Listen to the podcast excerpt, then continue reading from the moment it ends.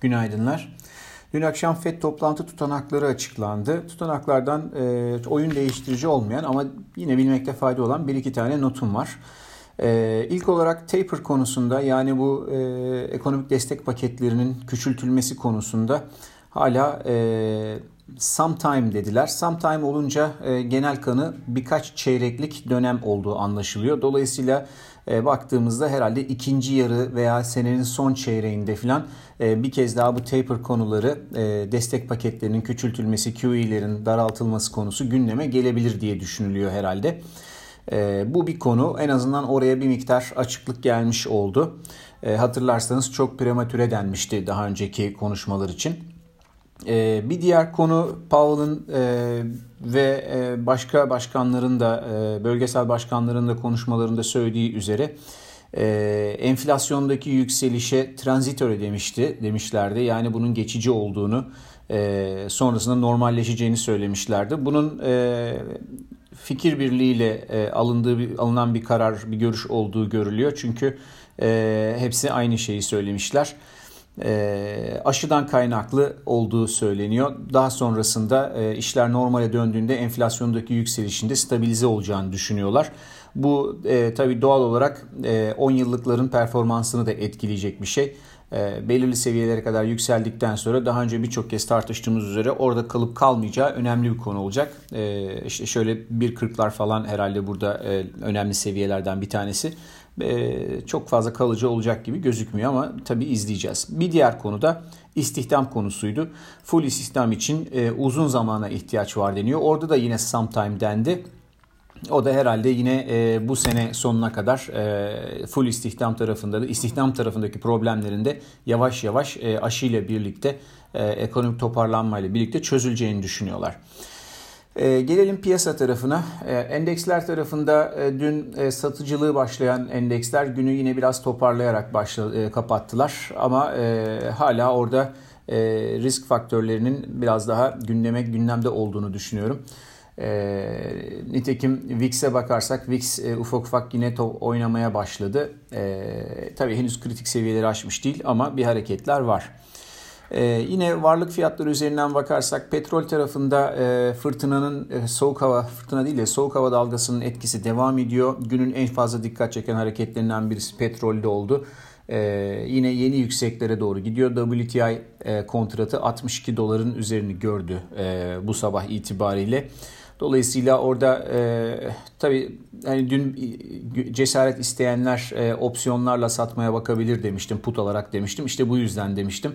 Çünkü e, hala çok ciddi anlamda orada e, nerede duracağı belli olmayan bir yükseliş potansiyeli var. Belki de bitmiştir ama şunu biliyorum. Bittiği zaman burası e, güzel bir satış hareketi için fırsat verecek çünkü e, aynı şekilde eğer doğalgaza bakarsak doğalgazda e, buradaki gibi e, petroldeki gibi güçlü bir yükseliş hareketi olmadı. O biraz daha stabil kalıyor. Dolayısıyla burada petrolde kendi iç dinamikleri nedeniyle de biraz abartı bir fiyatlama var gibi gözüküyor. Ee, yine bu sabah itibariyle önemli hareket yapan varlıklardan bir tanesi bakır fiyatları oldu. Ee, baktığımızda bunun birkaç sebebi var. Bir e, yine bakır alımını destekleyen Çinli traderların işte tatilden dönmesi e, denebilir. Onun haricinde e, stokların düşüklüğü hani eski bildiğimiz dinamik e, LME stokları, Şangay stokları hepsi e, son zamanların son tarihlerin en yüksek e, şey en düşük seviyelerinde e, işlem e, bulunuyor. O yüzden e, orada biraz e, arz problemi düşünülebilir. Ve bir de e, fabrika siparişleri verisi, en son gelen Amerika'nın fabrika siparişleri verisi, işte e, tüketim vesaire gibi veriler oldukça yüksek. Dolayısıyla talep artışına da işaret ediyor. O yüzden bakır e, yine yukarı doğru, herhalde uzun vadede de yukarı doğru yine önümüzdeki e, aylarda da gidecek gibi gözüküyor. Eee Altın, gümüş, kıymetli metaller beklediğimiz üzere yine satış baskısı altında kalmış vaziyette. Gümüş çok fazla gitmiyor. Bugün belki bir şeyde şimdi Amerikan oyunculuklarında ufak bir nefeslenme var. Ona paralel olarak belki altın, gümüş tekrar yukarı doğru gider. Gümüş için bilmiyorum ama altın için bunu piyasa bir iki gün içerisinde bu yükselişleri tekrar satış fırsatı olarak kullanabilir. Orada biliyorsunuz 1750 bölgesi e, daha e, yakın vadede görülmesini beklediğimiz seviye. Evet şeye gelelim hemen e, dolar endeksine bakalım. Dolar endeksi bir kez daha e, yine hareketli ortalamalardan 50 günlükten kalkıyor. 2, 2 gündür yukarıda. E, bugün de e, en azından yeşilde seyrediyor.